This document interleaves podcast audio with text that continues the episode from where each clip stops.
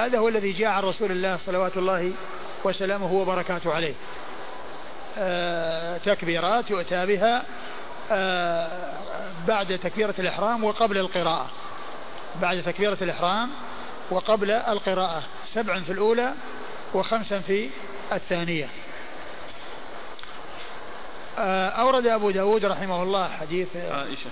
حديث أم المؤمنين عائشة رضي الله عنها أن النبي صلى الله عليه وسلم كان يكبر نعم. كان يكبر في الفطر والأضحى في الأولى سبع تكبيرات وفي الثانية خمس.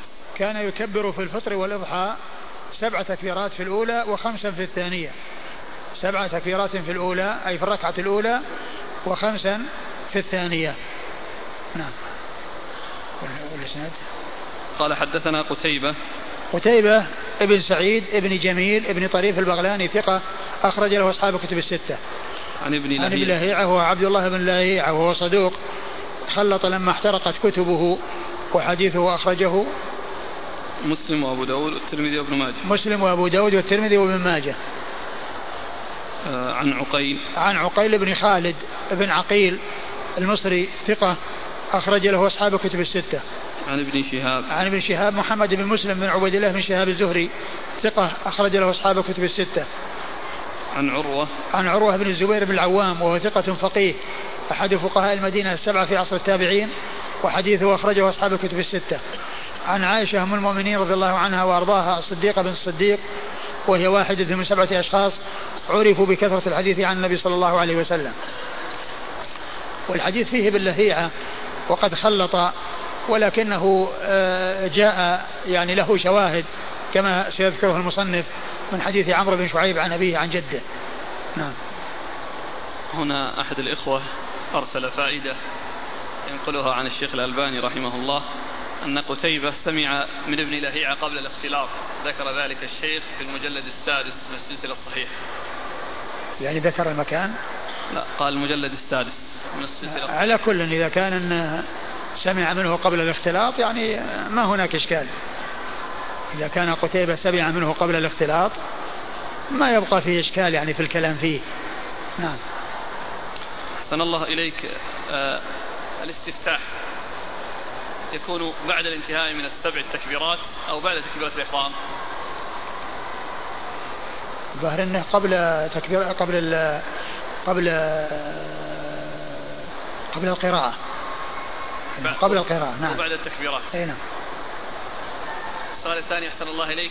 هل يكبر متواليا أم يفصل بينهما بذكر معين؟ والله ما في ذكر لكنه يعني ليست متوالية سردا يسردها سردا وإنما يكبر يعني يصير هناك يعني فصل يعني يسير بدون أن يسردها. الله أكبر الله أكبر الله أكبر. وبعض العلماء يقول يسردها سردا لكن لا أعلم فيه ذكرا بينها. لا أعلم أن هناك ذكرا بين التكبيرات إذا لم يسردها. وهل يرفع اليدين؟ في هذه والله ما ثبت؟ ما ثبت في رفع اليدين شيء عن رسول الله صلى الله عليه وسلم في تكبيرات العيد. قال حدثنا ابن السرح قال أخبرنا ابن وهب قال أخبرني ابن لهيعة عن خالد بن يزيد عن ابن شهاب بإسناده ومعناه قال سوى تكبيرتي الركوع. ثم أورد أبو داود حديث آه، عائشة من طريق أخرى وهو بمعنى السابق. يعني من جهة أنه يكبر سبعا في الأولى وخمسا في الثانية وفيه زيادة سوى تكبيرتي الركوع يعني أنها تكبيرات من زوايد كما أشرت يعني ليست يعني ليست آه، تكبيرة الإحرام ولا تكبيرة الركوع منها وإنما هي سبع بين تكبيرة الإحرام وتكبيرة الركوع وخمس بين تكبيرة الانتقال إلى الركعة الثانية وتكبيرة الركوع في الركعة الثانية. قال حدثنا ابن السرح. ابن السرح هو, هو آه، أحمد بن عمرو. أحمد بن عمرو آه، آه، بن السرح وهو صدوق وهو صدوق ثقة. وهو ثقة أخرج حديثه مسلم وأبو داود والنسائي وابن ماجه. عن ابن وهب. عن ابن وهب عبد الله بن بن وهب المصري. ثقة أخرج له أصحاب كتب الستة. وهو يروي عن ابن لهيعة. ويعني يقال أن رواية عبد الله بن وهب وغيره يعني من العبادلة أنها أعدل. يعني وهنا رواية عبد الله بن وهب عن عن ابن لهيعة. وإذا كان قتيبة أيضا سمع منه قبل الاختلاط يعني فهذا أيضا يعني يقوي كون هنا الراوي عبد الله بن لهيعة عبد الله بن وهب عن ابن لهيعة وهناك الراوي قتيبة إذا كان سمع منه قبل الاختلاط. فهذا يدلنا على سلامة الإسناد وأن وجود باللهيعة فيه لا يؤثر وهو ليس فيه إلا باللهيعة ولكن كما أشرت يعني أيضا له شواهد. من غير هذا الطريق كما سيأتي للمصنف. عن ابن لهيعة عن خالد بن يزيد. عن خالد بن يزيد ثقة أخرج له أصحاب كتب الستة. عن ابن شهاب بإسناده ومعناه. عن ابن شهاب بإسناده ومعناه يعني بإسناده إلى عائشة.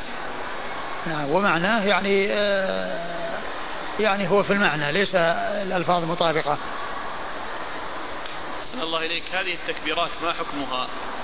بحيث إذا تركها الإمام. هل يلزم عليه سجود سهو أو تبطل الصلاة؟ والله هي سنة. أقول هي سنة و يعني كونه يلزم سجود سهو الله أعلم.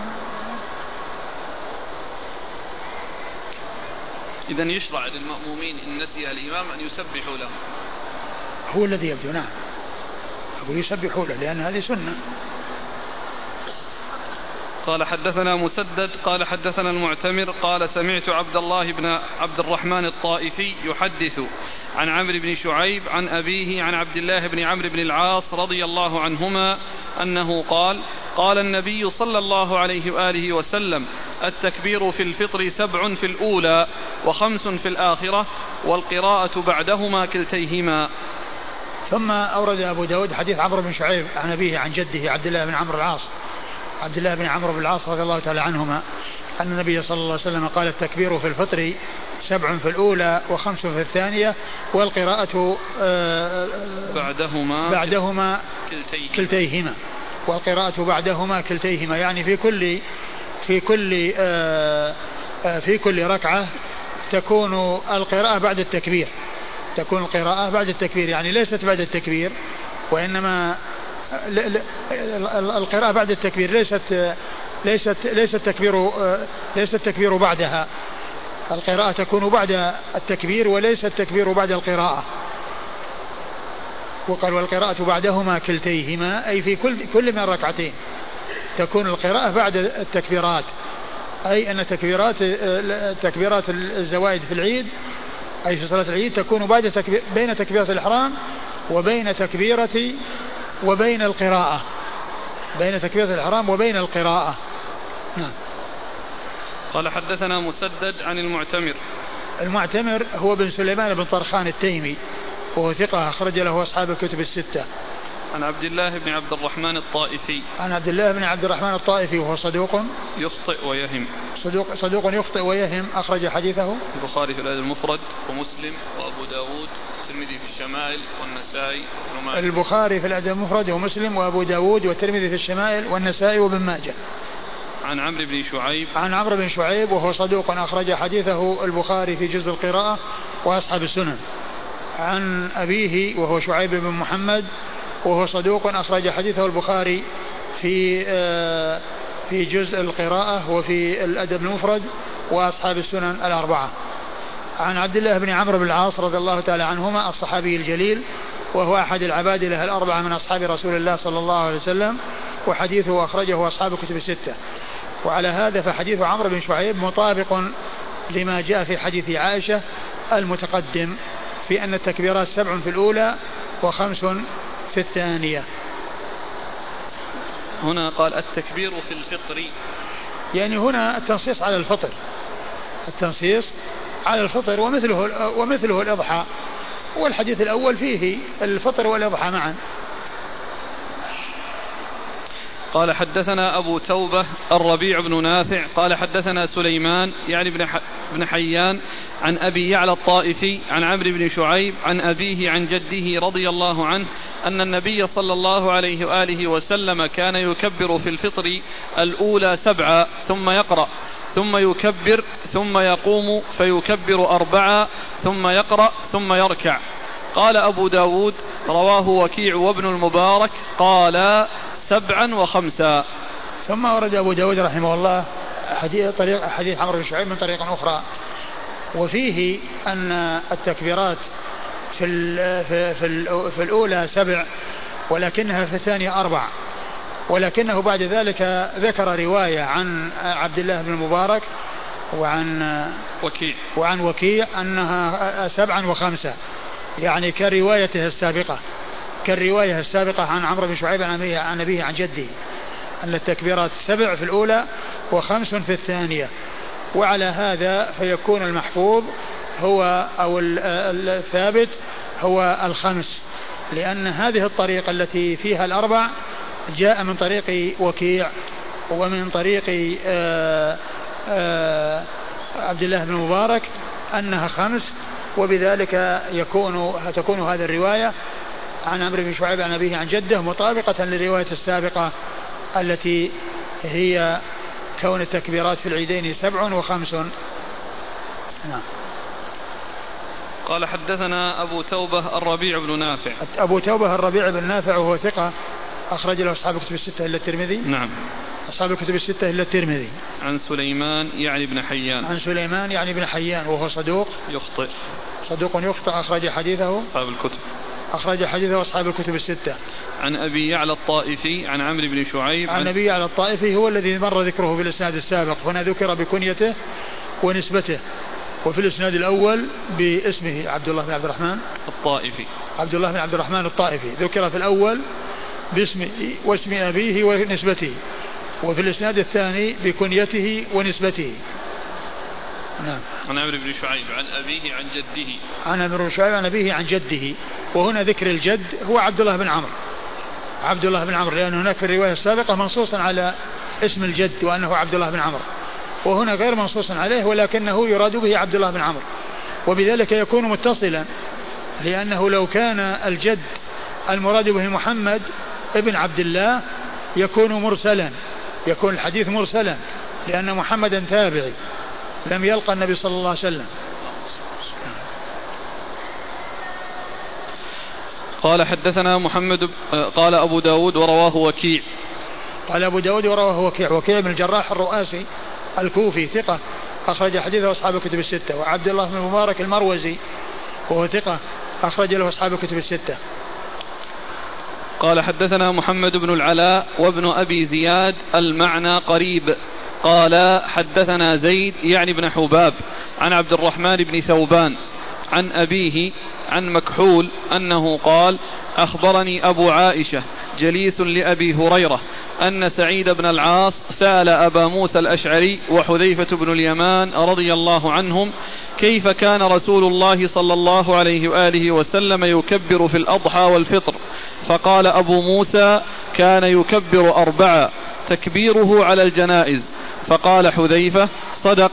فقال أبو موسى كذلك كنت أكبر في البصرة حيث كنت عليهم. وقال أبو عائشة وأنا حاضر سعيد بن سعيد بن العاص.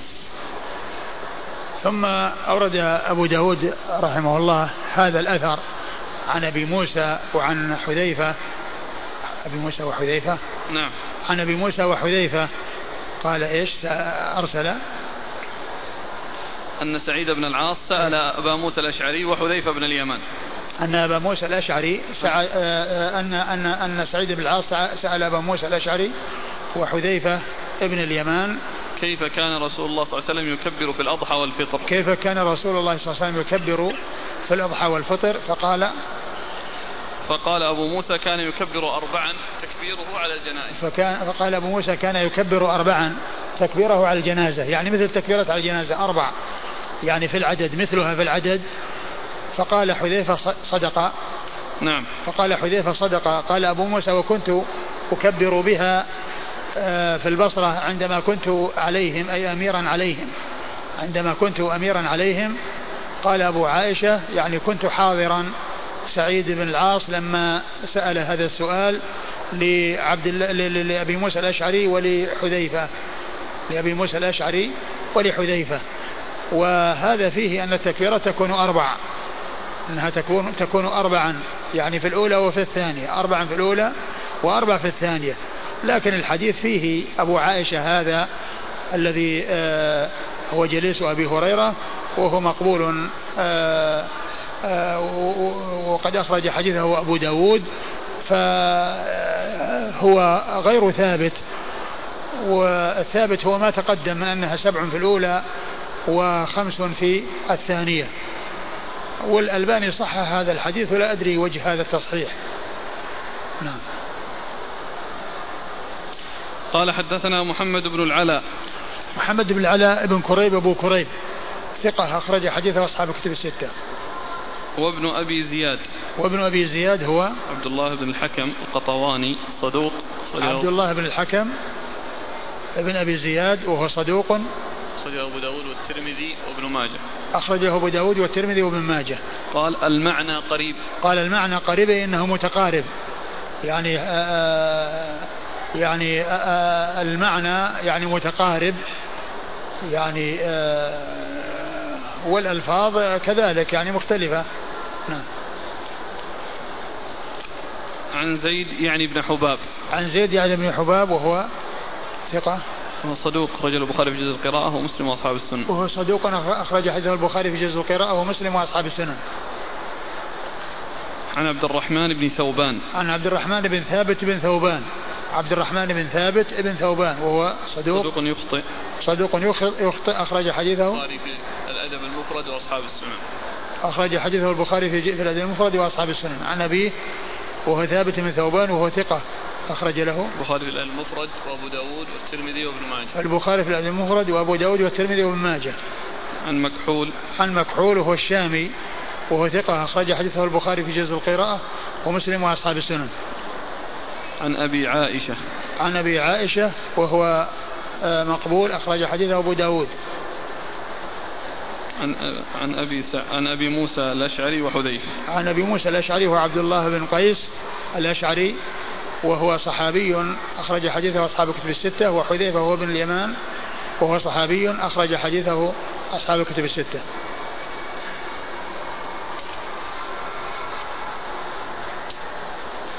أحسن الله إليك جاءت أسئلة بالنسبة للتكبير في بداية الخطب خطبة العيد فهل من السنة يعني أن تبدأ بتكبير معين مثل الصلاة؟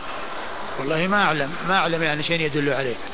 لكن الخطبة تشتمل على التكبير لكن كونها تبدأ بعدد معين كما يعني آه، قال بعض أهل العلم أنه يكبر تسعا. يعني في أول الخطبة ما أعلم ما أعلم له دليل.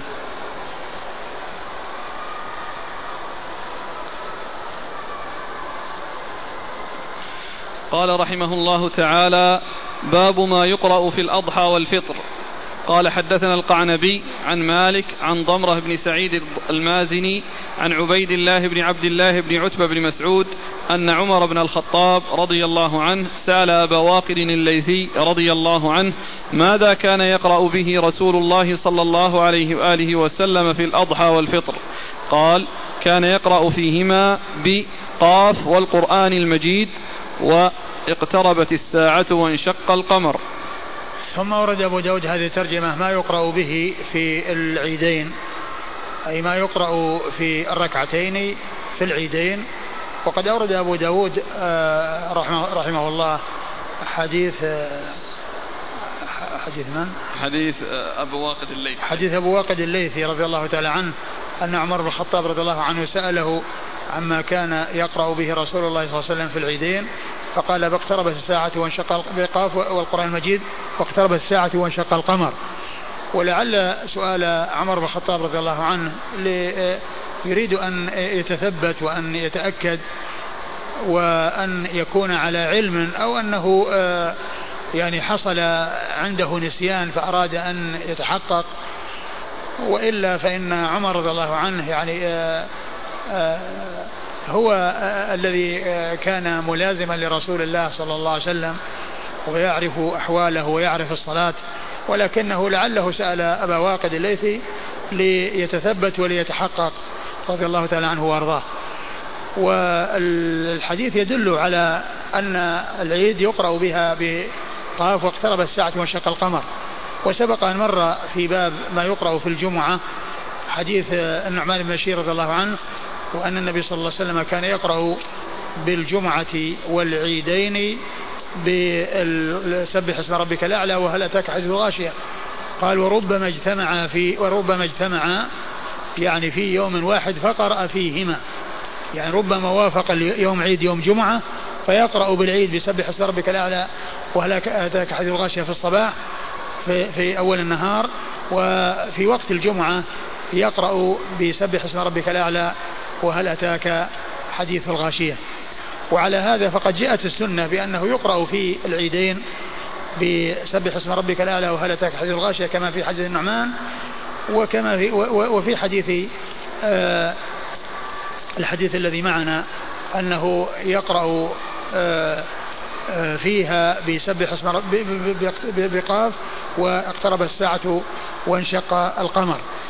ثم إن هذا الحديث صورة صورة المرسل لأن عبيد الله بن عبد الله يعني آه، آه، كانت وفاته فوق التسعين كانت وفاته يعني آه، متأخر يعني ما أدرك عمر ولكنه جاء من طريق أخرى يعني ثابتة وصحيحة يعني يعني متصلا ويعني وغير وليس صورته صورة المرسل كما هنا. لأن هنا يحكي عبد الله عبيد الله بن عبد الله الذي جرى بين يعني آه، عمر وأبي واقد وكأنه حاضر وصورة صورة المرسل. ولكنه جاء من طريق متصلة كما ذكر ذلك في عون المعبود وذكر الطريقة المتصلة التي فيها اتصال الحديث. وعلى هذا فقد ثبت عن رسول الله صلى الله عليه وسلم القراءة بهاتين السورتين قاف واقتربت. وكذلك ثبت في حديث النعمان القراءة في سبح اسم ربك الأعلى وهل أتاك حديث الغاشية؟ نعم.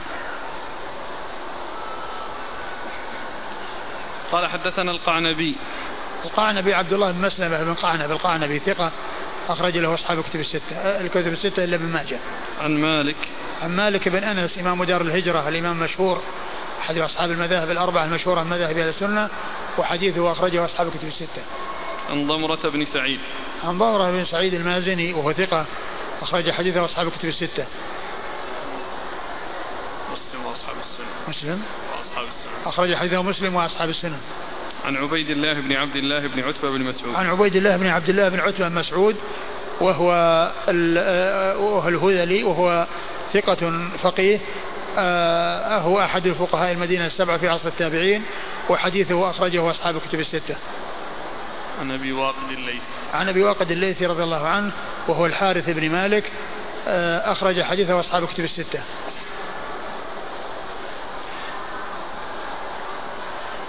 قال رحمه الله تعالى باب الجلوس للخطبة. قال حدثنا محمد بن الصباح البزاز قال حدثنا الفضل بن موسى السيناء السيناني. قال حدثنا ابن جريج عن عطاء عن عبد الله بن السائب رضي الله عنهما أنه قال شهدت مع رسول الله صلى الله عليه وآله وسلم العيد فلما قضى الصلاة قال إنا نخطب فمن أحب أن يجلس للخطبة فليجلس ومن أحب أن يذهب فليذهب. قال أبو داود هذا مرسل عن عطاء عن النبي صلى الله عليه وآله وسلم. ثم أورد أبو داود هذه الترجمة هي بالجلوس للخطبة يعني جلوس المأمومين. جلوس المأمومين يعني حكم جلوس المأمومين للخطبة. يعني ما حكمه؟ و والحديث يفيد الاستحباب. الحديث الذي أورده أبو داود يفيد الاستحباب لأنه قال يعني من أراد أن يجلس فليجلس ومن أراد أن يذهب فليذهب. وعلى هذا فالحضور للخطبة ليس بلازم. فمن أراد أن يحضر حضر ومن أراد أن ينصرف بعد أن يصلي فله أن ينصرف. والمهم هو الصلاة. وبعض أهل العلم استدل بهذا على أن الخطبة ليست بواجبة وإنما هي مستحبة يعني في العيدين. وبعضهم قال إن الترخيص يعني لمن أراد أن يذهب أن يذهب لا يعني أنها لا تكون واجبة. لكن كون الرسول صلى الله عليه وسلم رخص فيها وأن الإنسان له أن يجلس وله أن ينصرف يعني يفيد في أن الأمر واسع وأن المأمومين من أراد أن يجلس فله أن يجلس ومن أراد أن ينصرف فله أن ينصرف. ويدل على أن الخطبة يعني غير آه، متأكدة وأنها واجبة لأن كون المأمومين يخيرون بين أن يجلسوا وبين أن ينصرفوا يعني يدل ذلك على عدم لزومها. وليست كالجمعة لأن الجمعة يعني يعني من شرطها وجود الخطبتين.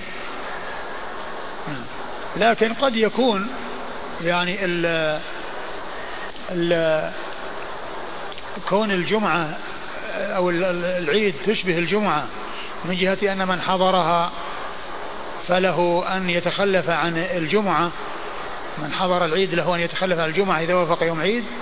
يعني يفيد ذلك آه، يعني أهمية الخطبة وأن وأن وجودها أمر مطلوب. ويعني قد يكون آه، القول يعني بالوجوب يعني له وجه من جهة أن أن حضور العيد يغني عن الجمعة. حضور العيد يغني عن الجمعة.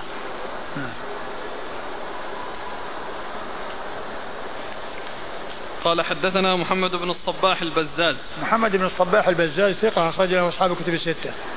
عن الفضل بن موسى السيناني. الفضل بن موسى السيناني المروزي ثقة أخرج له أصحاب الكتب الستة. عن ابن جريج عن عطاء عن, عن ابن جريج آه، مر ذكره وعطاء هو بن أبي رباح.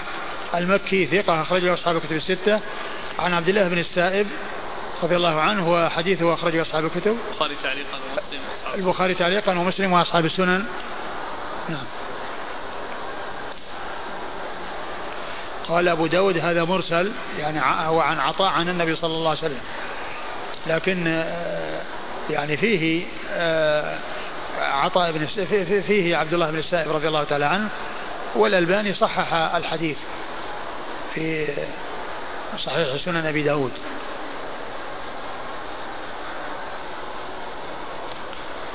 هل يلزم في خطبة العيد خطبتي العيد وخطبة الاستسقاء ما يلزم في خطبة الجمعة من الإنصات؟ الذي يبدو أن بينهما فرق لأن هنا يعني ما قال يعني من أراد أن يذهب يعني ذهب يعني خطبة الجمعة يعني يلزم الإنسان يجلس. يعني يلزم الإنسان يجلس وهذه لا يلزمه أن يجلس. لكن من جلس ليس له أن يتحدث ليس له أن يتحدث وينشغل عن الخطبة وإنما ما يجلس وإما أن ينصرف. يحصل من الناس فيما نرى ونسمع رفع الصوت بالتكبير مع الإمام سواء كان في بداية الصلاة السبع تكبيرات الأولى والخمس وكذلك في الخطبة. إذا بدأ في الخطبة بالتكبير يكبرون معه. رفع الصوت هنا هل له وجه؟ أبدا. يعني المأمومين لا يرفعون الصوت. المأمومون لا يرفعون الصوت ولا يكبرون مع الإمام يعني في الصلاة يعني يرفعون أصواتهم. وكذلك في الخطبة يعني لا يرفعون أصواتهم. وإنما إذا كبر الإنسان يكبر يعني بينه وبين نفسه. مناسبة التكبير نسأل عن التكبير الجماعي. هذا خلاف السنة. لم يثبت التكبير الجماعي عن رسول الله صلى الله عليه وسلم. والشيخ محمود التويجري رحمه الله يعني كتب رسالة خاصة بالتكبير الجماعي يعني وإنكاره وعدم ثبوته عن رسول الله صلى الله عليه وسلم. رسالة خاصة مطبوعة بالتكبير الجماعي. أحسن الله لك الصيغة المأثورة. نسمع صيغ. اللهم صل على سيدنا محمد. يعني من يزيد تكبير ثم الصلاة على النبي صلى الله عليه وسلم وآله وأزواجه و... هذا فين؟ تكبير يوم في يعني في العيد قبل قبل الصلاة والخطبة. والله التكبير التكبير يعني كما هو معلوم كله يكبر على حدة بدون يعني أن يكون تكبيرا جماعيا. والصلاة على الرسول صلى الله عليه وسلم مطلوبة ولكنها في هذا الموضع يعني مانع يعني شيء يعني يدل على أنها تضاف إلى التكبير. ولكن الإنسان كونه يكبر ويكثر من كونه يصلي على النبي صلى الله عليه وسلم يعني بينه وبين نفسه يعني هذا أمر مطلوب. لكن كونه يعني يقرن ذلك بالتكبير ما نعلم شيء يدل عليه. صيغة التكبير أحسن الله إليك. التكبير يعني يقولون الله أكبر الله أكبر لا إله إلا الله والله أكبر الله أكبر إلا الحمد. وكذلك الله أكبر كبيرا الحمد لله كثيرا. يعني يعني جاء عن بعض السلف هذا لكن ما نعلم فيه آه، شيء ثابت عن رسول الله صلى الله عليه وسلم في بيان يعني كيفيته.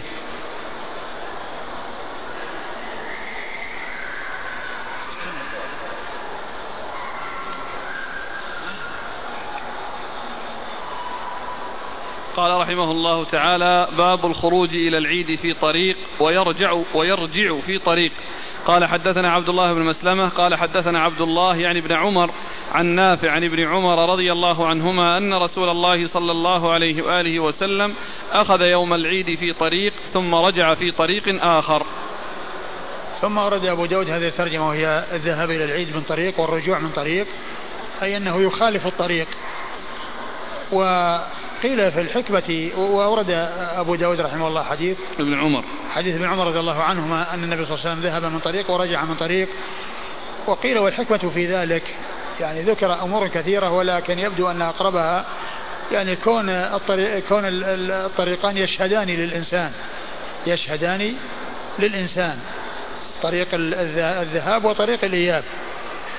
والحديث في إسناده عبد الله بن عمر العمري المكبر وهو ضعيف ولكن الحديث يعني ثابت عن رسول الله صلى الله عليه وسلم يعني في الصحيح بلفظ إذا, إذا كان يوم عيد خالف الطريق خالف الطريق وهو بمعناه فهو يعني يدل على أن هذا الذي جاء من هذا الطريق ثابت كونه ثابت عن رسول الله صلى الله عليه وسلم مخالفة الطريق. وإلا فإن عبد الله بن عمر العمري المكبر هو ضعيف. نعم. قال حدثنا عبد الله بن مسلمة عن عبد الله يعني ابن عمر. عبد الله يعني بن عمر بن حفص بن عاصم العمري المكبر أخو عبيد الله وعبيد الله ثقة وهو ضعيف. أخرج حديثه مسلم. وأصحاب السنن. مسلم وأصحاب السنن. عن نافع. عن نافع مولى بن عمر وهو ثقة أخرجه أصحاب كتب الستة. عن عبد الله بن عمر رضي الله تعالى عنهما الصحابي الجليل أحد العباد الأربعة من أصحاب رسول الله صلى الله عليه وسلم وأحد السبع المعروفين بكثرة الحديث عن النبي صلى الله عليه وسلم.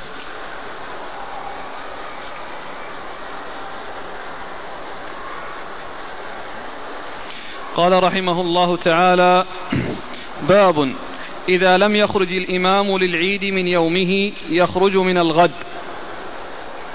قال حدثنا حفص بن عمر قال حدثنا شعبة عن جعفر بن أبي وحشية عن أبي عمير بن أنس عن عمومة له من أصحاب رسول الله من أصحاب رسول الله صلى الله عليه وسلم ورضي الله عنهم أن ركبا جاءوا إلى النبي صلى الله عليه وآله وسلم يشهدون أنهم رأوا الهلال بالأمس فأمرهم أن يفطروا وإذا أصبحوا أن يغدوا إلى مصلاهم.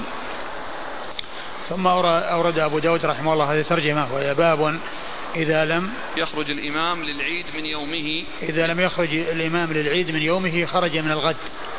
خرج من الغد. يعني وذلك إذا كان يعني في آخر النهار بعد الزوال.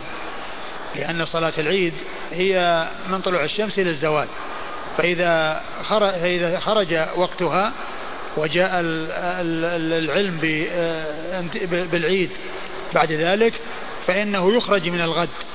يخرج من الغد وتصلى صلاة العيد من الغد. تصلى صلاة العيد من الغد.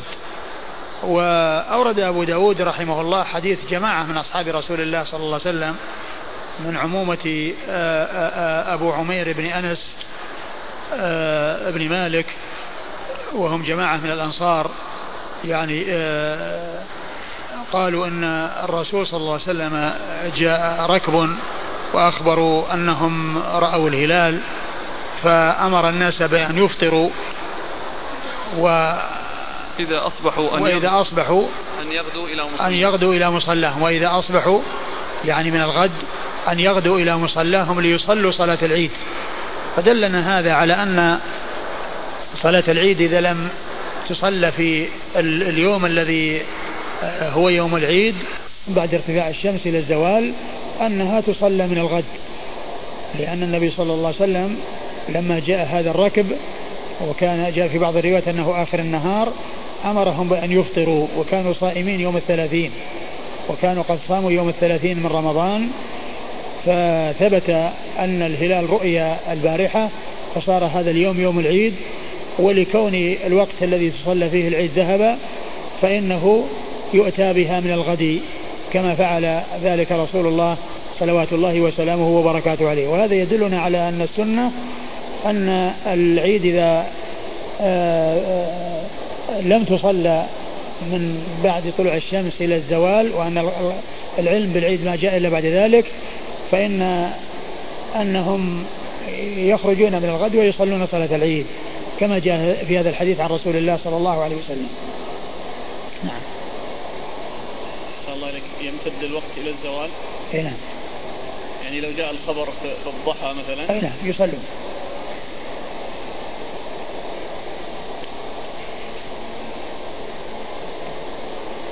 قال حدثنا حفص بن عمر. حفص بن عمر ثقة أخرج حديثه البخاري وأبو داود والنسائي.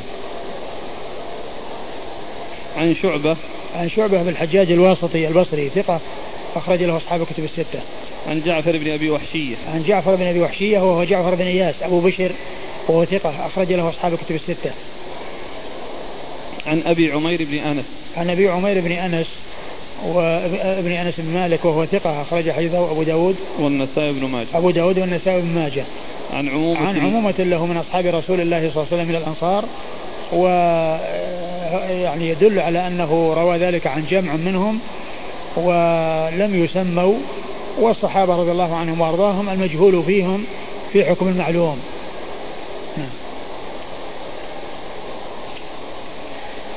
قال حدثنا حمزة بن نصير.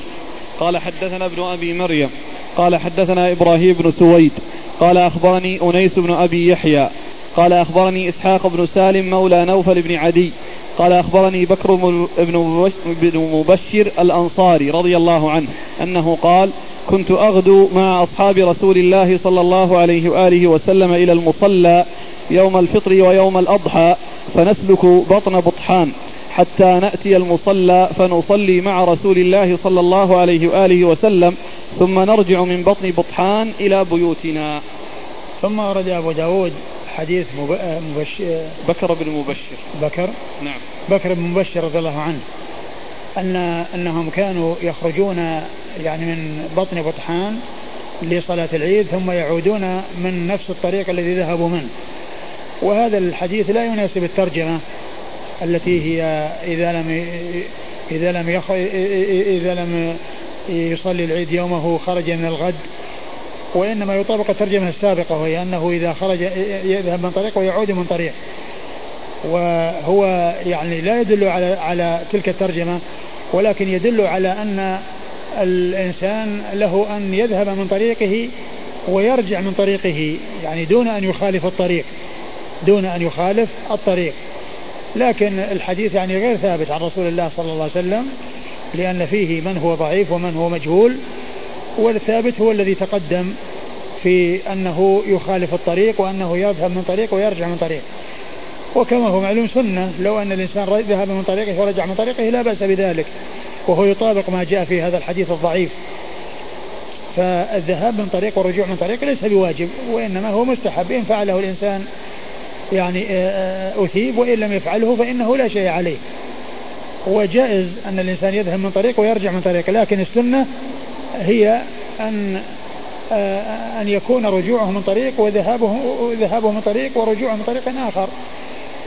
والحديث يعني كما هو واضح لا يدل على الترجمة التي هي كونه يخرج من الغد إذا لم يأتي الخبر إلا في آخر النهار وإنما يدل على الذهاب من طريق والرجوع من طريق وهو يطابق الترجمة السابقة قبل هذه الترجمة.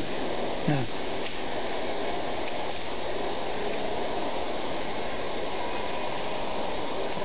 يعني يكون في تقديم وتأخير مثلا؟ يعني كأنه يعني تأخر يعني عن مكانه.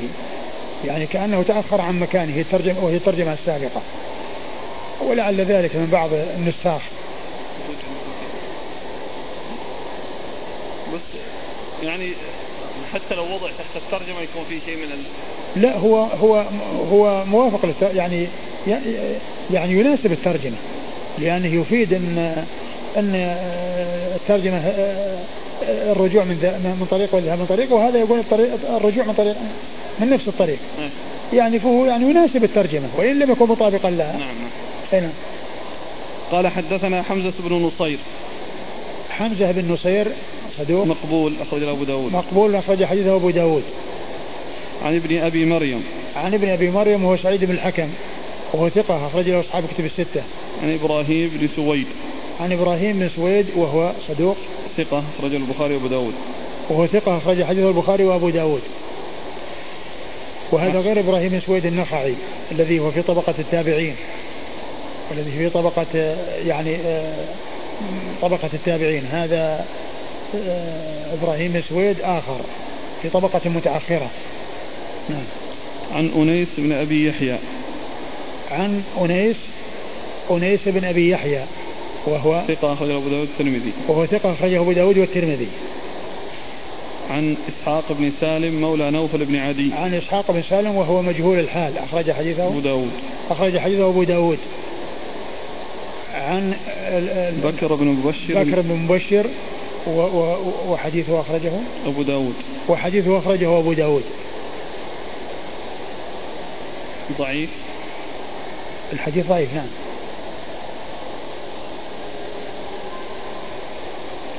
بطحان.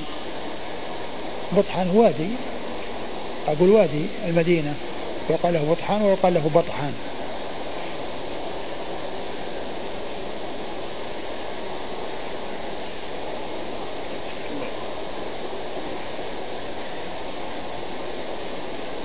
قال رحمه الله تعالى باب الصلاة بعد صلاة العيد. قال حدثنا حفص بن عمر قال حدثنا شعبة قال حدثني علي بن ثابت عن سعيد بن جبير عن ابن عباس رضي الله عنهما أنه قال خرج رسول الله صلى الله عليه وآله وسلم يوم, يوم فطر فصلى ركعتين لم يصل قبلهما ولا بعدهما ثم أتى النساء ومعه بلال فأمرهن بالصدقة فجعلت المرأة تلقي خرصها وسخابها. ثم ورد أبو داود هذه الترجمة. وهي باب الصلاة بعد صلاة العيد يعني صلاة النافلة التنفل بعد صلاة العيد أو وكذلك قبل صلاة العيد. يعني صلاة العيد ليس لها نافلة لا قبلها ولا بعدها. وإنما يأتي الإنسان يأتي المصلى ويصلي العيد فلا يتنفل قبلها ولا بعدها. لا يتنفل لا قبلها ولا بعدها. وأورد أبو داود حديث ابن عباس أن النبي صلى الله عليه وسلم خرج يوم عيد فطر فصلى ركعتين لم يصلي قبلهما ولا بعدهما. لم يصلي قبلهما ولا بعدهما. فهذا يدلنا على أنه لا سنة لصلاة العيد لا قبلها ولا بعدها. ثم ذهب وأتى النساء ووعظهن وأمرهن بالصدقة فجعلت المرأة تلقي آه، آه، خرصها وسخابها. والخرص هو الحلقة التي تعلق في الأذن أو القرط. والسخاب هي القلادة التي لا تكون من الجواهر وإنما تكون من أشياء أخرى يعني آه، رخيصة وغير ثمينة فيقال لها سخاب نعم. قال حدثنا حفص بن عمر عن شعبة. حفص بن عمر وشعبة مر ذكرهم عن عدي بن ثابت. عدي بن ثابت ثقة أخرجه أصحاب الكتب الستة. عن سعيد بن جبير. عن سعيد بن جبير ثقة أخرجه أصحاب الكتب الستة. عن ابن عباس. عن ابن عباس عبد الله بن عباس بن عبد المطلب وقد مر ذكره.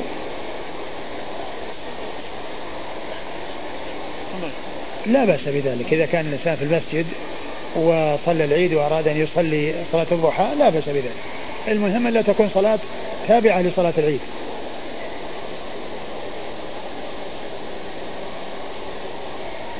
باقي خمس دقائق بقي باب.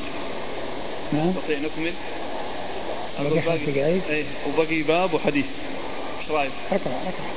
قال رحمه الله تعالى باب باب يصلي بالناس العيد في المسجد إذا كان يوم مطر. قال حدثنا هشام بن عمار قال حدثنا الوليد قال حاء وحدثنا الربيع بن سليمان قال حدثنا عبد الله بن يوسف قال حدثنا الوليد بن مسلم قال حدثنا رجل من الفرويين وسماه الربيع في حديثه عيسى بن عبد الأعلى بن أبي فروة أنه سمع يحيى بن عبيد الله التيمي يحدث عن أبي هريرة رضي الله عنه أنه أصابهم مطر في يوم عيد فصلى بهم النبي صلى الله عليه وآله وسلم صلاة العيد في المسجد. أورد أبو داود رحمه الله حديث باب هذه الترجمة هي باب يصلي بالناس العيد في المسجد إذا كان يوم مطر. يصلي يصلي بالناس العيد في المسجد إذا كان يوم مطر. يعني الأصل السنة أنها في المصلى.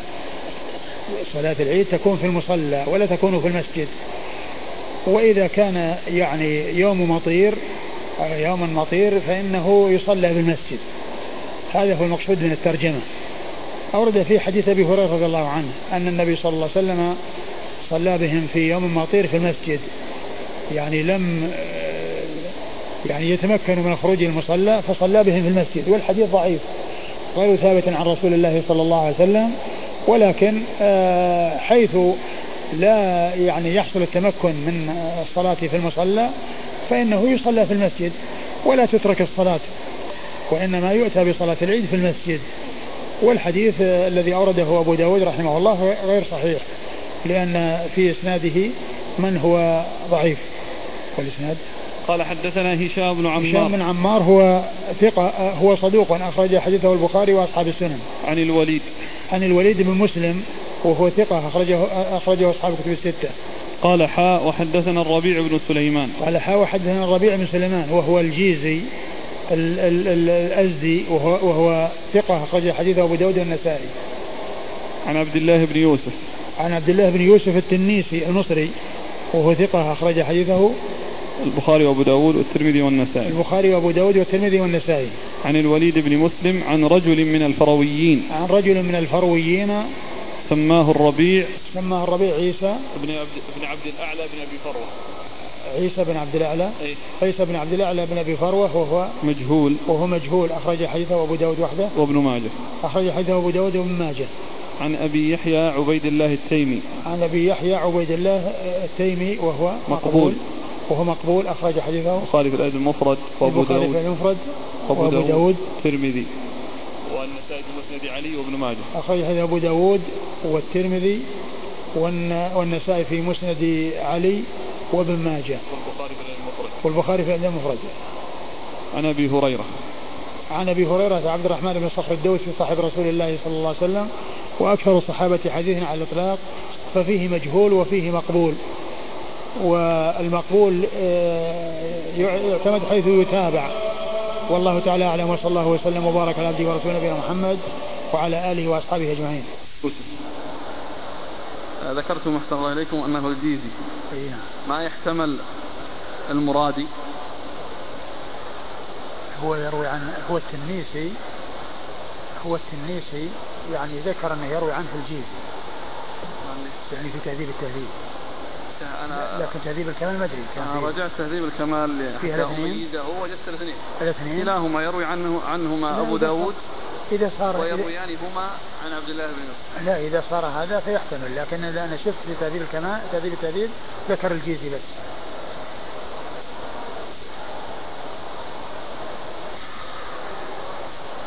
كل منهما ثقة يعني ما يؤثر سواء هذا ولا هذا. لكن في تهذيب الكمال تهذيب الك... تهذيب التهذيب لابن حجر ذكر الجيزي. الإسناد اللي فيه عبد الله بن عمر بن حفص. إيه؟ أحد الاخوان أرسل يقول في المنهل العذب المورود يقول لعله خطأ إنما هو عبيد الله.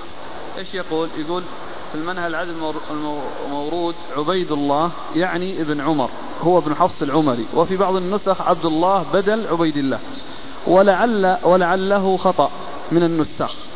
فإن حفص بن عاصم لم يكن له من أولاده من يسمى بعبد الله حفص بن عاصم؟ إيه؟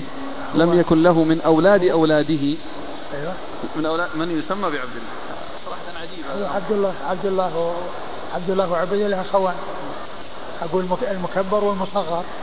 أقول مشهوران. أحسن الله إليك. ما الفرق بين صفة المعية وصفة القرب بالنسبة لله جل وعلا؟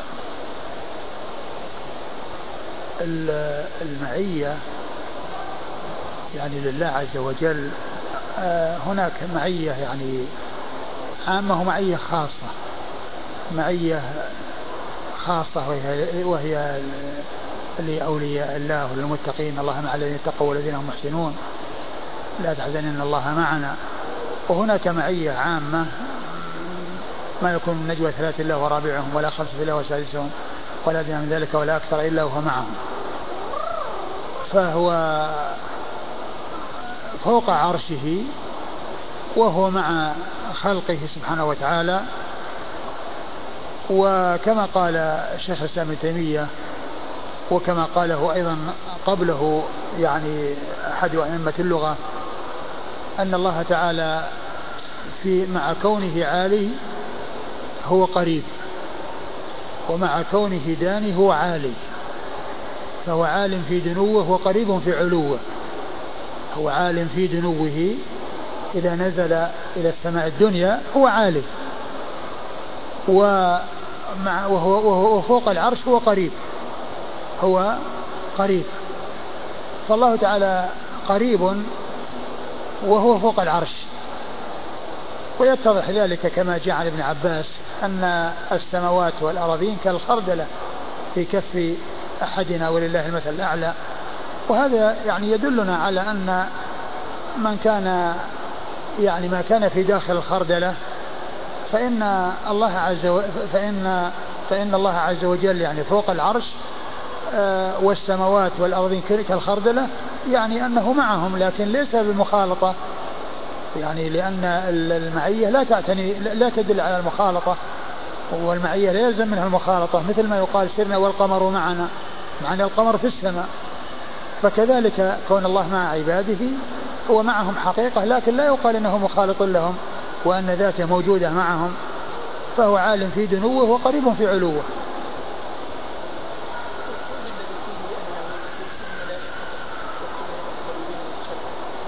لا هذا تأويل هذا. يقول عندما نقوم بزيارة بعض الأقرباء يقولون لنا مودعين زارتنا البركة. يعني آه، إذا كان هذا دعاء يعني يدعون أن تزورهم البركة فلا بأس بذلك. لا هم قد يكون قصدهم يعني وجودكم وحضوركم في بيتنا يعني إن شاء الله في بركة خير لنا. آه، هو بالنسبة للدعاء يعني طيب يعني لا بأس به إذا كان دعاء. والإخبار؟ والإخبار آه، يعني الله تعالى أعلم. جزاك الله خير. شخص عنده خمسمائة ألف يتاجر بها وهو مديون بستمائة ألف. فهل يخرج زكاة ما عنده أو يعتبرها من الدين؟ إذا إذا حال الحول والمال عنده يزكيه وإن وفى الدين قبل أن يحول الحول ما عنده مال يزكى. هل بهذا يكون هذا المال زكي مرتين؟ لأن صاحب الدين إن اعتبر المدين موسرا فسيزكيه. والمدين سيزكيه هو كل يزكي ماله. هو كل يزكي ماله. يعني فذاك يزكي ماله وهذا يزكي ماله.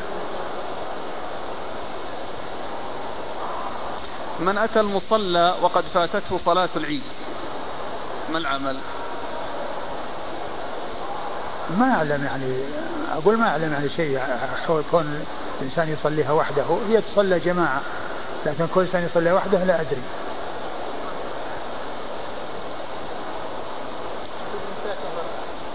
اللي فتركها يقضيها. أيهما أفضل؟ الصلاة في صف متقدم لكنه منقطع أم صف متأخر لكنه متصل؟ مثل الصلاة في الصف الأول هنا في التوسعة حيث تقطعه الأبواب الصف الأول والثاني والثالث. أما الرابع فإنه متصل بالحرم القديم. والله الذي يبدو الذي يبدو أن الصف الأول أولى ولو حصل انقطاع يعني في شيء في شيء لا بد منه. يعني لا, لا, الصفوف الأول أولى ولو حصل انقطاعها في شيء لا بد منه. وإلا معنى هذا أن الناس يتركون هذا الفضاء الذي قدام يروحون وراء. يقول استفتاء. شخص أراد الاعتمار عن أمه وهو في المدينة فأحرم في منزله قبل أن يصل إلى الميقات وهو مشارك في رحلة مجانية وليس عنده ما يوصله إلى مكة غير هذه الحملة. وعندما فاتته الرحلة أراد أن يترك الإحرام حتى يجد رحلة أخرى غدا إن شاء الله. ليس فه... له ذلك. ليس له أن يتخلى. إذا كان إذا كان دخل في الإحرام ونوى الإحرام ونوى الدخول في النسك ليس له أن يتخلى عنه. وأما إذا كان قصده الإحرام أنه لبس لباس الإحرام وتهيأ فقط وسينوي الإحرام من الميقات هذا يعتبر غير محرم. له أن يخلع الإزار والرداء ويعود إلى ثيابه لأنه ما يقال له محرم. أما إن كان نوى الدخول في النسك في بيته فينعقد وعليه أن يكمل ويبقى على إحرامه وليس أن يتخلى عنه إلا بعد ما يكمل العمرة. أما إن كان آه الذي حصل هو لبس إزار وردة تهيؤ واستعداد وهو يعني يريد أن ينوي من الميقات فهذا يعتبر غير محرم لأن الإحرام هو النية وليس لبس الإحرام. لبس الإحرام هو استعداد للإحرام. لبس الإزار والرداء استعداد للإحرام وليس إحراما وإنما الإحرام هو النية. جزاكم الله خيرا. وبارك الله فيكم.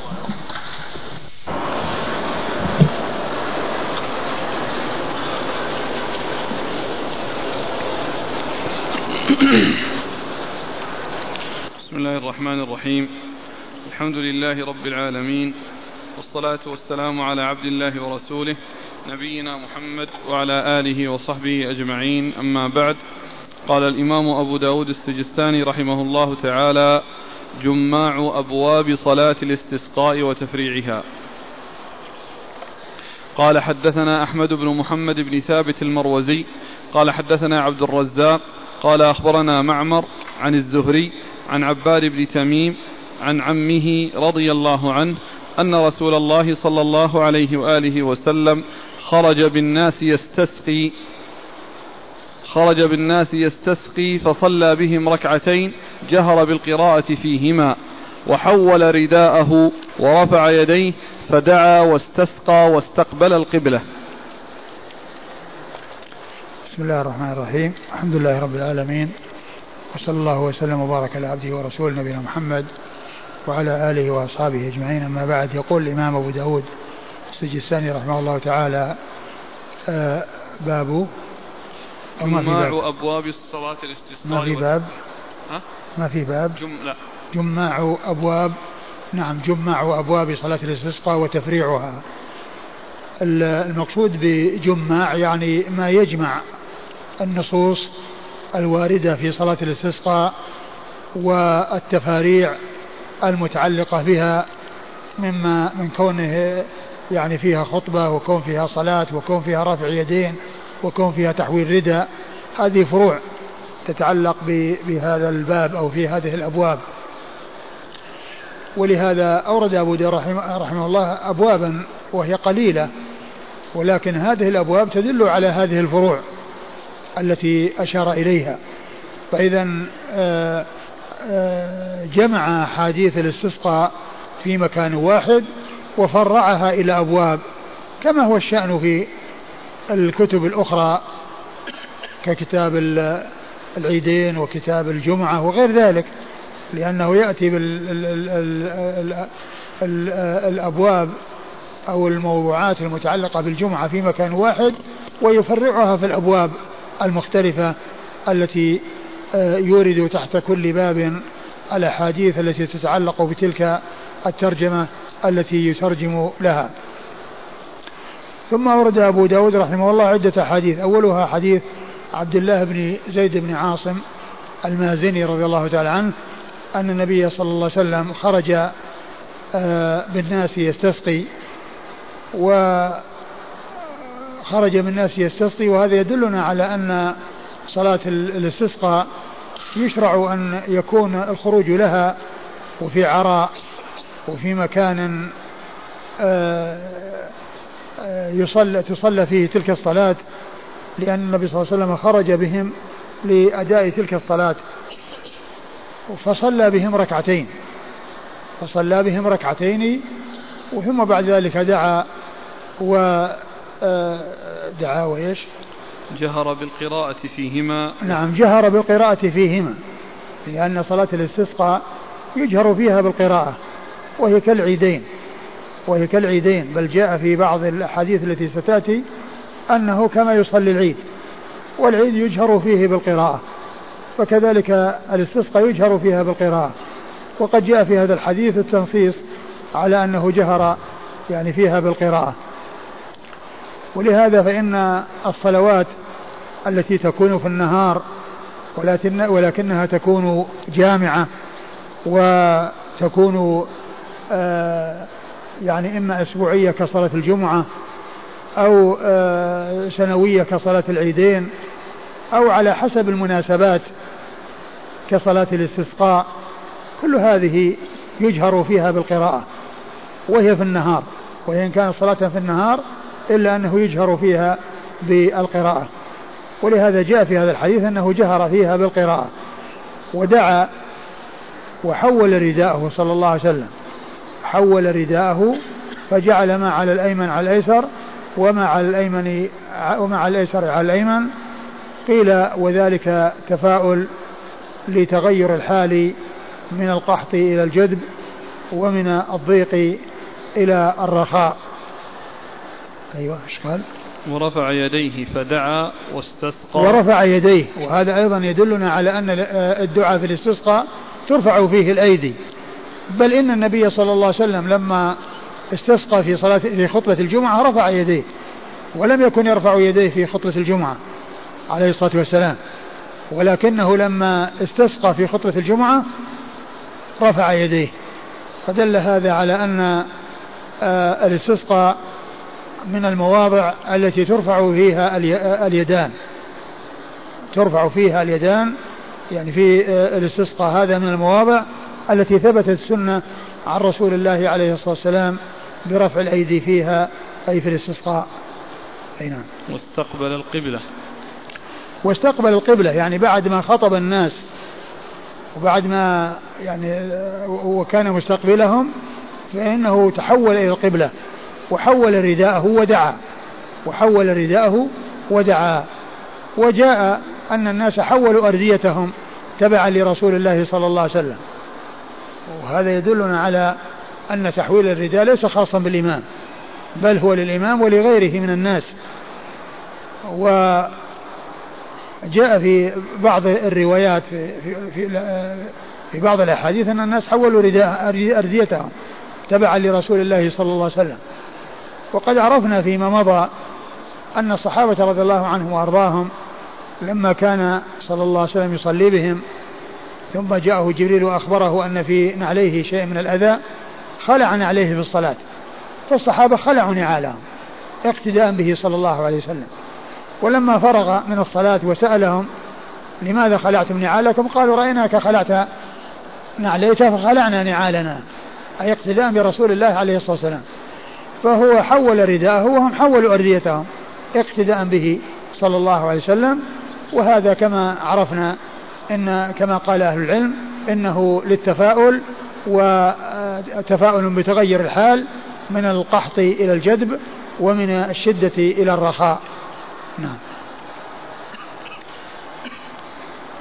قال حدثنا أحمد بن محمد بن ثابت المروزي. أحمد بن محمد بن ثابت المروزي ثقة أخرج حديثه أبو داود.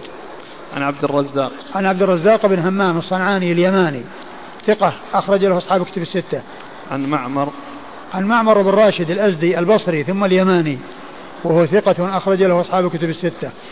عن الزهري. عن الزهري محمد بن مسلم بن عبيد الله بن شهاب الزهري. ثقة أخرج له أصحاب كتب الستة. عن عباد بن تميم. عن عماد بن ت... عن عباد بن تميم المازني. وهو ثقة أخرج له أصحاب كتب الستة. عن عمه. عن أبي عن عمه عبد الله بن زيد بن عاصم المازني وهو وهو صحابي أخرج حديثه أصحاب كتب الستة. في قوله واستقبل القبلة. الإمام في حال الخطبة ربما يتخللها الدعاء وهو في ذاك الحال يكون مستقبل للمأمومين ومستدبر القبلة. نعم. يعني هذا حال الخطبة وما فيها من دعاء هو مستقبل الناس.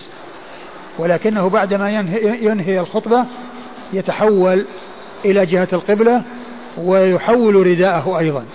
ويحول رداءه عندما يستقبل القبلة يحول رداءه ويدعو. والناس أيضا يحولون أرديتهم ويدعون. في مكانه أو ينزل؟ لا في مكان في مكانه على المنبر. أي نعم. فإن ما ما ذكر أنه نزل؟ إلا أنه كما جاء في بعض الأحاديث أنه نزل فصلى. يعني بعد ما يعني حول رداءه وكذا على بعض الروايات التي ستأتي أن أنه صلى بعد بعد الخطبة. قال حدثنا ابن السرح وسليمان بن داود قال أخبرنا أب قال أخبرنا ابن وهب قال أخبرني ابن أبي ذئب ويونس عن ابن شهاب أنه قال أخبرني عباد بن تميم المازني أنه سمع عمه رضي الله عنه وكان من أصحاب رسول الله صلى الله عليه وآله وسلم يقول خرج رسول الله صلى الله عليه وآله وسلم يوما يستسقي فحول, فحول إلى الناس ظهره يدعو الله عز وجل. قال سليمان بن داود واستقبل القبلة وحول رداءه ثم صلى ركعتين. قال ابن أبي ذئب وقرأ فيهما. زاد ابن السرح يريد الجهر. ثم ورد أبو داود حديث عبد الله بن زيد بن عاصم المازني رضي الله تعالى عبد الله بن زيد بن عاصم المازني رضي الله عنه آه، من طريق أخرى وفيه أنه صلى الله عليه وسلم آه، آه، استقبل القبلة ودعا وحول رداءه ورفع يديه إيش قال إيش خرج رسول الله صلى الله عليه وسلم يوما يستسقي فحول إلى الناس ظهره يدعو الله عز وجل. يعني هذا بعد ما خطب يعني بعد ما خطب حول إلى الناس ظهره يدعو الله عز وجل. أيوه. قال سليمان بن داود واستقبل القبلة. قال سليمان بن داود أحد الشيخين لأبي داود في الحديث واستقبل القبلة يعني حين ما حول رداءه استقبل القبلة ودعا. أيوة. وحول رداءه ثم صلى ركعتين. ثم صلى ركعتين. وهذا فيه أن الصلاة حصلت بعد بعد الخطبة وبعد الدعاء. والرواية السابقة تفيد أن الصلاة كانت قبل لأنه خرج فصلى بهم. أنه خرج فصلى بهم. وسيأتي في بعض آه، الأحاديث عن عبد الله بن عباس يعني أنه صلى بعد الخطبة. أنه صلى بعد الخطبة. وهذا يفيدنا أن أن الخطبة جاء ما يدل على أنها قبل ويدل على أن على أنها بعد والأمر في ذلك واسع. نعم. يجوز؟ نعم يجوز. قال ابن أبي قال ابن أبي ذئب وقرأ فيهما وزاد ابن السرح يريد الجهر. قال ابن أبي ذئب وقرأ فيهما قال يريد الجهر. يعني أنه جهر فيهما بالقراءة. ليس المراد مجرد القراءة ولو كانت سرية بل قال الراوي الذي هو شيخ أبي داود ابن أبي السرح قال يريد الجهر. أي قوله قرأ يعني يريد أنه جهر. وقد جاء التنصيص بالجهر في الرواية السابقة. قال حدثنا ابن السرح. ابن السرح أحمد بن بن عمرو بن السرح. وهو ثقة أخرج حديث مسلم وأبو داود والنسائي وابن ماجه. وسليمان بن داود. عن سليمان وسليمان؟ ابن داود. وسليمان بن داود هو المصري المهري أبو الربيع وهو ثقة أخرج حديث أبو داود والنسائي. عن ابن وهب. عن ابن وهب عبد الله بن وهب المصري ثقة أخرج له أصحاب كتب الستة. عن ابن أبي ذئب. عن ابن أبي ذئب وهو محمد بن عبد الرحمن ابن المغيرة ابن أبي ذئب. ثقة أخرج له أصحاب الكتب الستة. ويونس. ويونس بن يزيد الأيلي وهو ثقة أخرجه أصحاب الكتب الستة. عن ابن شهاب عن عباد بن تميم عن عمه. وقد مر ذكر الثلاثة في الرواية السابقة.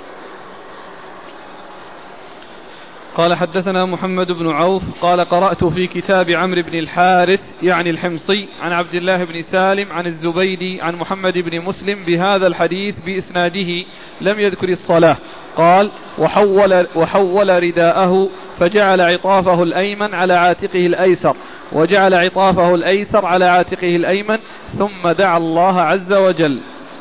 ثم ورد أبو داود حديث عبد الله بن زيد بن عاصم المازني من طريق أخرى وهو مختصر وفيه أنه لم يذكر الصلاة وإنما ذكر الدعاء وتحويل الرداء وذكر أنه حول رداءه فجعل عطافه الأيمن على شقه الأيسر وعطافه الأيسر على شقه الأيمن يعني أنه جعل ما على اليمين على الشمال وما على الشمال على اليمين. و... وإيش؟ ثم دعا الله عز وجل. ثم دعا الله عز وجل نعم. عطافه. العطاف هو جانب الرداء.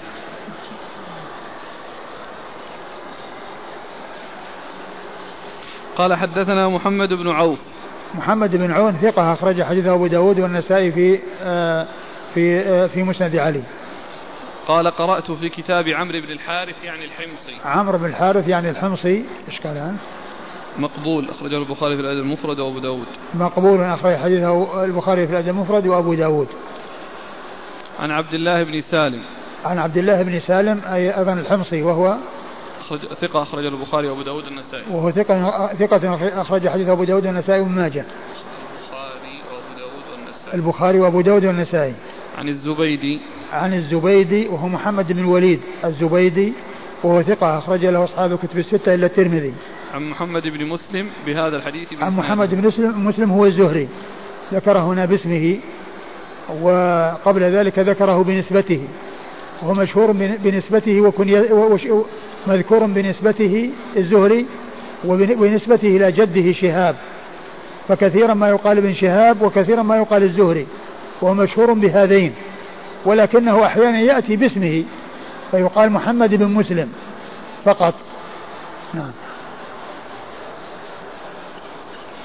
يقول آه، محمد بن عوف قرأت في كتاب عمرو بن الحارث. نعم قرأت في كتاب عمرو بن الحارث يعني أنه أخذه من كتابه. لكنه كما هو معلوم هو من رواية عبد الله بن زيد بن عاصم وقد جاء من طرق متعددة. والذي جاء في هذا الطريق موجود في تلك الطرق. هذه وجادة. نعم. وجادة يقال لها. يمكن يكون وجادة ولا مناولة بعد إذا كان أنه يعني أعطاه إياه مناولة. يعني الوجادة إذا كان أنه يعني ما أعطاه إياه مناولة والمناولة إذا أعطاه إياه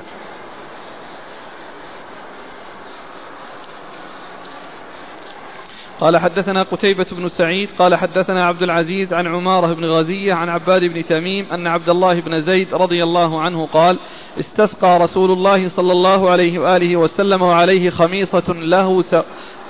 استسقى رسول الله صلى الله عليه وآله وسلم وعليه خميصة له سوداء. فأراد رسول الله صلى الله عليه وآله وسلم أن يأخذ بأسفلها فيجعله, فيجعله أعلاها فلما ثقلت قلبها على عاتقه. ثم ورد أبو داود حديث عبد الله بن زيد بن عاصم المازني وهو مختصر وأنه لما وكان عليه خميصة سوداء والخميصة هي يعني آه، رداء أو كساء مربع له أعلام في أطرافه ولما أراد أن يعني يقلبها ويجعل أسفلها أعلاها ثقلت عليه فقلبها. يعني فجعل يعني ما على اليمين على الشمال وما على الشمال على اليمين. وهذا يعني يفيد أنه إذا كان قلب الشيء إذا كان الشيء يعني كالرداء الذي يعني هو متساوي وأسفله وأعلاه يعني شيء واحد فإن فإنه آه، يقلبه ويجعل أسفله أعلاه وأعلاه أسفله. وإلا فإنه يكفي أن يجعل ما على اليمين على الشمال ما على الشمال على اليمين. مثل الجبة والمشلح وما إلى ذلك لا يقبل لا يقلبه ويجعل يعني آه، أسفله لأنه آه، يعني وضعه يعني يختلف يعني من ناحية يعني كل إنسان يعني يعني يمسكه. ولكن فيما يتعلق بالجبة والمشلح وما إلى ذلك يقلبها ويجعل يعني آه، يعني ظهرها يعني بطن وبطنها ظهر. ويجعل الذي يلي ظهره هو ال ال الذي يكون مكشوفا. يعني آه، وما يكون مكشوفا هو الذي يلي يعني يلي ظهره. نعم. يقول الأخ لكن إذا كان مثل الرداء يعني كونه يقلبه ويجعل أسفله أعلاه وأعلاه أسفله يعني هذا هو الذي يشير إليه محاولة الرسول صلى الله عليه وسلم أن يقلبها أن يجعل الأسفل أعلى والأعلى أسفل. نعم. يقول هل السائل يقول هل يحول ما ظاهره مثل مثل باطنه مثل الشماغ مثلا؟ نعم. الإنسان الذي ما عليه إلا شماغ ما عليه مشلح نعم يحول الشماغ ويجعل يعني يعني آه، آه، ما كان باطنا له يكون ظاهرا. يعني مثل الرداء يصير لأن الشماغ والغترة مثل الرداء تماما نعم.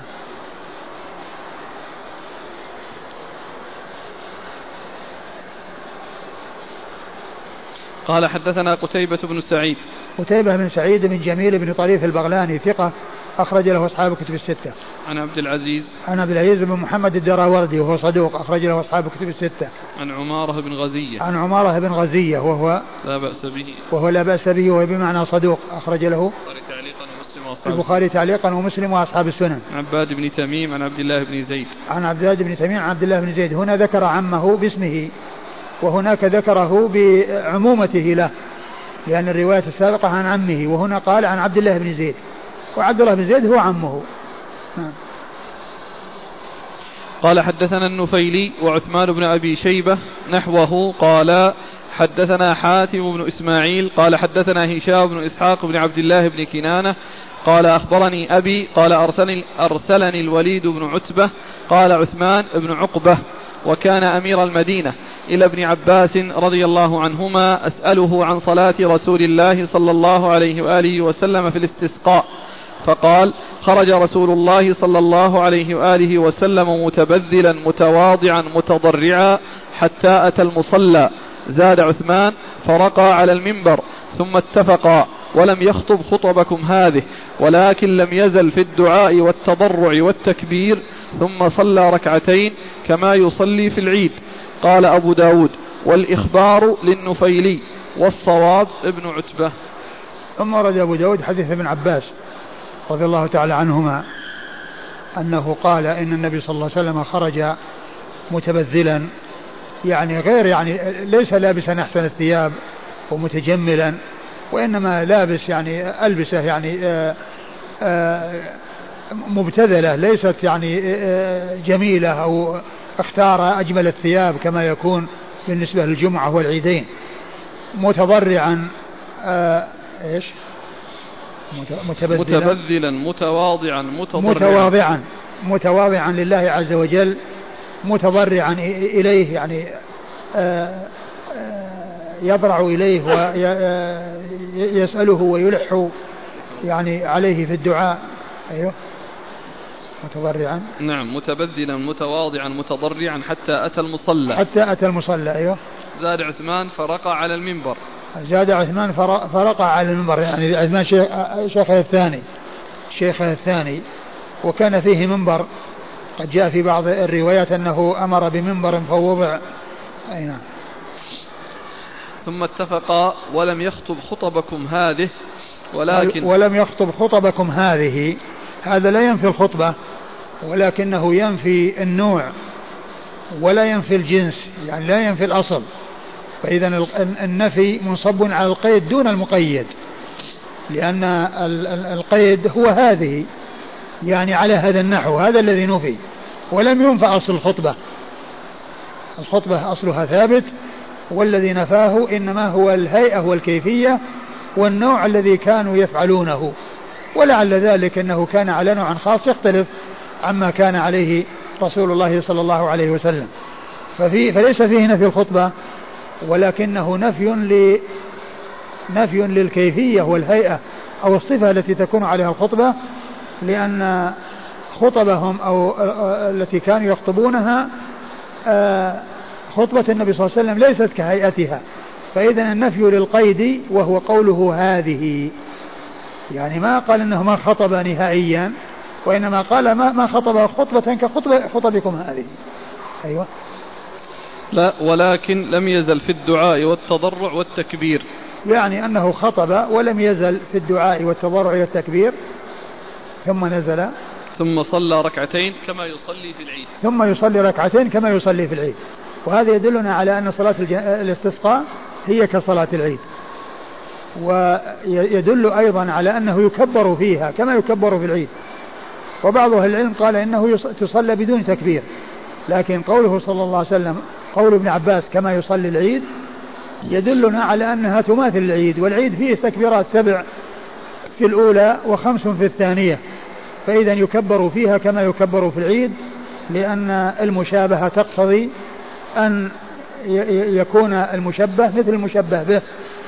وصلاة العيد فيها تكبيرات فإذا صلاة الاستسقاء يكون فيها تكبيرات. النفي لما قال يعني ما هي الصفة اللي كانت موجودة فنفاها؟ ما أدري أقول ما أدري لكنه يعني النهي النفي منصب على القيد دون المقيد. وهذا يشبه ما, ما سبق أن مر بنا في الجمعة. أنه ليس للحيطان ظل يستظل به. لم ينفى أصل الظل وإنما نفي الظل الذي يتمكن من الاستظلال به. فالنفي للقيد لا للمقيد وهنا النفي للقيد لا للمقيد. قال حدثنا النفيلي. النفيلي عبد الله عبد الله بن محمد النفيلي ثقة أخرج حديثه البخاري وأصحاب السنن. وعثمان بن وعثمان بن أبي شيبة ثقة أخرج له أصحاب الكتب الستة إلا الترمذي. قال نحوه قال نحوه أي أن رواية عثمان بن أبي شيبة نحو رواية آه، النفيلي عن حاتم بن إسماعيل عن حاتم بن إسماعيل صدوق يهم صدوق يهم أخرج حديثه أصحاب الكتب الستة. عن هشام بن إسحاق بن عبد الله بن كنانة. عن هشام بن إسحاق بن عبد الله بن كنانة وهو مقبول أخرج له أصحاب السنن. وهو مقبول أخرج له أصحاب السنن. عن أبيه. عن أبيه وهو صدوق. وهو صدوق أخرجه. أصحاب السنن. وهو صدوق أخرجه أصحاب السنن. قال أرسلني نعم. الوليد بن عتبة وفي رواية ابن أبي شيبة ابن عقبة. يعني بدل التاء قاف. وهو الوليد بن عتبة. ولهذا قال أبو داود في الآخر والصواب بن عتبة. يعني كما قاله النفيلي. الصواب بن عتبة كما قاله النفيلي. وليس بن عقبة كما قاله عثمان بن أبي شيبة. والوليد بن عتبة ابن أبي سفيان وكان أميرا على المدينة لعمه معاوية بن أبي سفيان وكان أميرا على المدينة لعمه معاوية بن أبي سفيان رضي الله تعالى عنه وأرضاه وهو الوليد بن عتبة بن أبي سفيان عن ابن عباس عن ابن عباس عبد الله بن عباس بن عبد المطلب ابن عم النبي صلى الله عليه وسلم وأحد العبادلة الأربعة من أصحابه الكرام وأحد السبعة المعروفين بكثرة النبي بكثرة الحديث عن النبي صلى الله عليه وسلم. قال أبو داود الإخبار للنفيلي. قال أبو داود الإخبار للنفيلي يعني السياق إنما هو للنفيلي. الإخبار يعني والإسناد إنما هو على على ما جاء عن النفيلي. يعني معناه مثل ما قال يعني لفظه عندما يقول بعدما يذكر الاثنين قال لفظه يعني اللفظ للنفيلي. يعني الإخبار للنفيلي. قوله ولم يخطب خطبكم هذه ولكن لم يزل في الدعاء والتضرع والتكبير. ألا يستفاد منه أن خطبته صلى الله عليه وسلم كانت مشتملة على ذلك وأنه كان ينكر الخطبة التي تخلو من الدعاء والتكبير والتضرع ونحو ذلك؟ يعني أحيانا بعض الخطباء لا بس ال ال يعني يعني من أين لنا أن خطب أن خطبهم خالية من الدعاء؟ وكيف تكون خالية من الدعاء وهو الناس جاءوا للاستسقاء؟ إنكاره ولم يخطب خطبك. إيه لكن بس لا هو لا لا يلزم لا يلزم أن تكون الخطب خالية. لكن لكن يمكن أن يكون يعني أنه آه، يركز فيها على شيء أو يكثر فيها من شيء ولا يكثر فيها من الدعاء. وأما يعني القول بأنها تخلو من الدعاء ما, ما عندنا شيء يدل على هذا.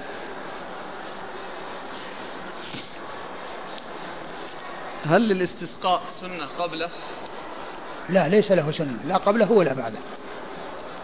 وهل يشترط الوقوف عند الدعاء؟ والله الذي يبدو إنه يقف لأن الرسول صلى الله عليه وسلم وقف والناس يعني قلبوا أرديتهم وقفوا ما قلبوه وجلسوا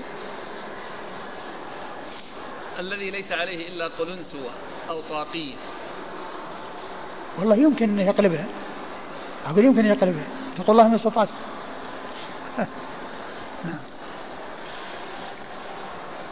قال رحمه الله تعالى باب في أي وقت يحول رداءه إذا استسقى.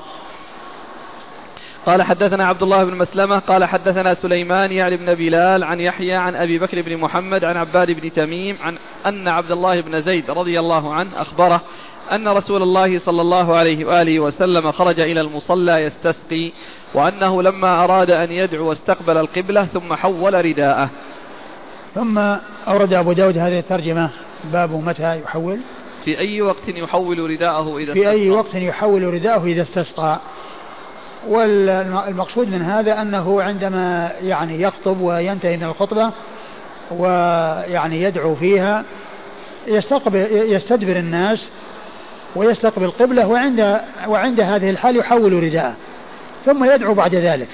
والناس يحولون أرديتهم ويدعون بعد ذلك. فإذا وقتها عند استقبال القبلة عندما ينتهي الخطيب من الخطبة ويكون مستقبل الناس يوليهم ظهره ويستقبل القبلة ويقلب رداءه ويرفع يديه ويدعو. وكذلك المأمومون يفعلون كما يفعل الإمام. نعم. قال حدثنا عبد الله بن مسلمة. عبد الله بن مسلمة القعنبي وهو ثقة أخرج حديثه أصحاب الكتب إلا ابن ماجه. عن سليمان يعني بن أبي بلال سليمان يعني بن بلال هو ثقة أخرج له أصحاب الكتب الستة. عن يحيى. عن يحيى وهو بن سعيد الأنصاري وهو ثقة أخرج له أصحاب الكتب الستة. عن أبي بكر بن محمد. عن أبي بكر بن محمد بن عمرو بن حزم وهو ثقة أخرج له أصحاب الكتب الستة. عن عباد بن تميم عن عبد الله بن زيد. عن عبد عن عباد بن تميم عن عبد الله بن زيد وقد مر ذكرهما. قال حدثنا القعنبي عن مالك عن عبد الله بن أبي بكر أنه سمع عباد بن تميم يقول سمعت عبد الله بن زيد المازني رضي الله عنه يقول خرج رسول الله صلى الله عليه وآله وسلم إلى المصلى فاستسقى وحول رداءه حين استقبل القبلة. ثم ورد أبو داود حديث عباد بن تميم من طريق أخرى مختصرة وأن الرسول صلى الله عليه وسلم خرج يستسقي وحول رداءه حين استقبل القبلة. والمقصود منه أن تحويل الرداء يكون حينما يستقبل القبلة عندما ينتهي من الخطبة ويوليهم ظهره يستقبل القبلة فيحول رداءه في هذه الحال. نعم. قال حدثنا القعنبي عن مالك عن عبد الله بن أبي بكر. آه مالك هو بن أنس إمام دار الهجرة الإمام المشهور وحديثه أخرجه أصحاب الكتب الستة. وعبد الله بن أبي بكر بن محمد بن عمرو بن حزم ثقة أخرجه أصحاب الكتب الستة. عن عباد بن تميم عن عباد بن تميم عن عمه وقد مر ذكرهما. هل يشرع للإمام أن يقول للمأمومين حولوا أرديتكم؟ والله ما أعلم يعني شيء يمنعه لأن لأن الرسول صلى الله عليه وسلم كان فعل هذا والناس يرونه ولا سيما وقد كثر الناس وتباعدوا ولا يرون الإمام فكونه يعني ينبههم يبدو أنه لا بأس بذلك. قال رحمه الله تعالى باب رفع اليدين في الاستسقاء. ونتوقف آه، يعني ونريد من الإخوان الذين هم يعني بحاجة إلى المساعدات أن كل واحد الآن يكتب اسمه في ورقة ويكتب اسمه وجنسيته ويكون اسمه مطابقا للحفيظة أو الجواز أو الإقامة. وأيضا يعني إذا كان عنده كتاب يذكر أن عنده كتاب وإذا لم يكن عنده كتاب يعني سنن أبي داود يقول إنه ليس عنده الكتاب. وكل واحد يكتب ورقة مشتملة على هذا ويسلمها إلى من أمامه حتى تصل إلى الأخ عبد الحكيم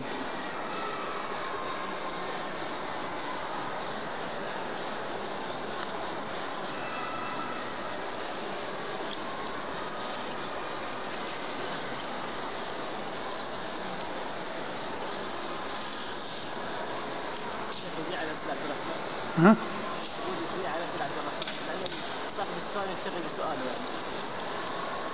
كيف؟ يعني الآن؟ يعني تريدون إيه.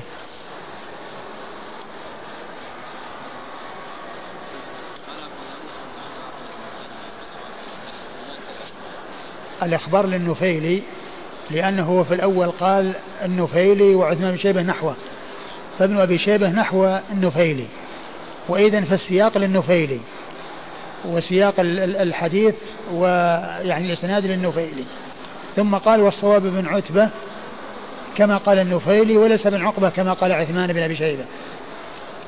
لأن عثمان بن شيبة قال ابن عقبة والنفيلي قال ابن عتبة.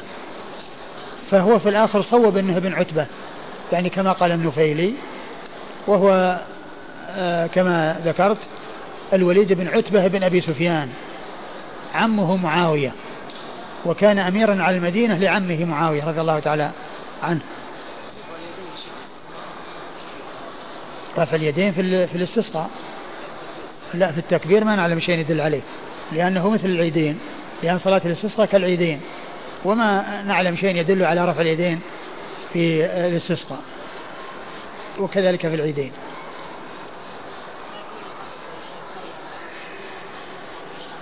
ها؟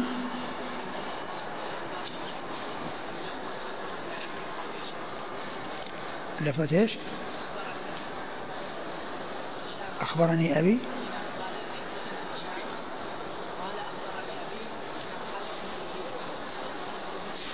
ما أدري ما أدري هل هل يقصد هذا أو يقصد الأخبار اللي في السياق. السياق يعني كله للنفيلي. لأن لأن الأول قال نحوه فهو مثل ما قال يعني الأخبار مثل ما قال لفظه. إذا قال حدثنا فلان وفلان ثم قال لفظه. يعني معناه أن السياق للثاني. وهنا جعل السياق للأول. يعني بعد ما انتهى أخبر. وهو أحيانا أبو داود رحمه الله عندما ينتهي الحديث يقول هذا لفظ فلان. فإذا قوله هو الإخبار هو مثل قول هذا لفظ فلان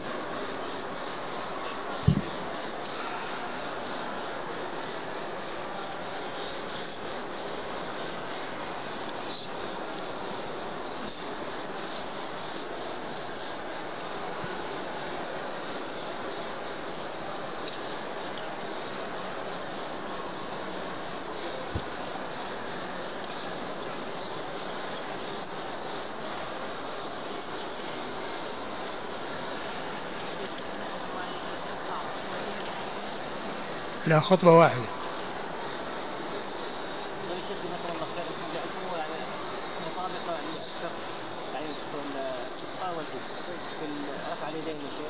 ليش؟ وش فيه؟ وش فيها؟ منهم من يقول الشيخ خطبة واحدة يعني ضعف حديث خطبتين في العيد انها صحيح انها خطبة واحدة ما توجيه من يقوله؟ من قال إنها خطبة واحدة؟ فقلنا خطوة واحدة وين قال فيه؟ ها؟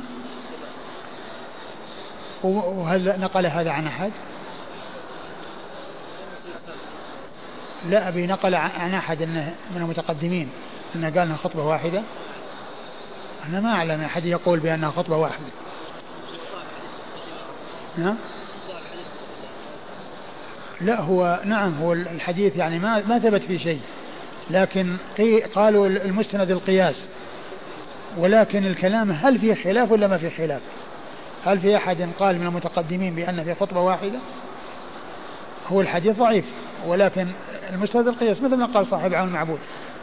قال يعني لم يثبت في ذلك شيء الحديث الذي ورد غير صحيح والمستند في ذلك القياس. لكن الخلاف الشأن في الخلاف هل هل يعني نقل عن أحد أنه قال خطبة واحدة؟ أنا ما أعلم.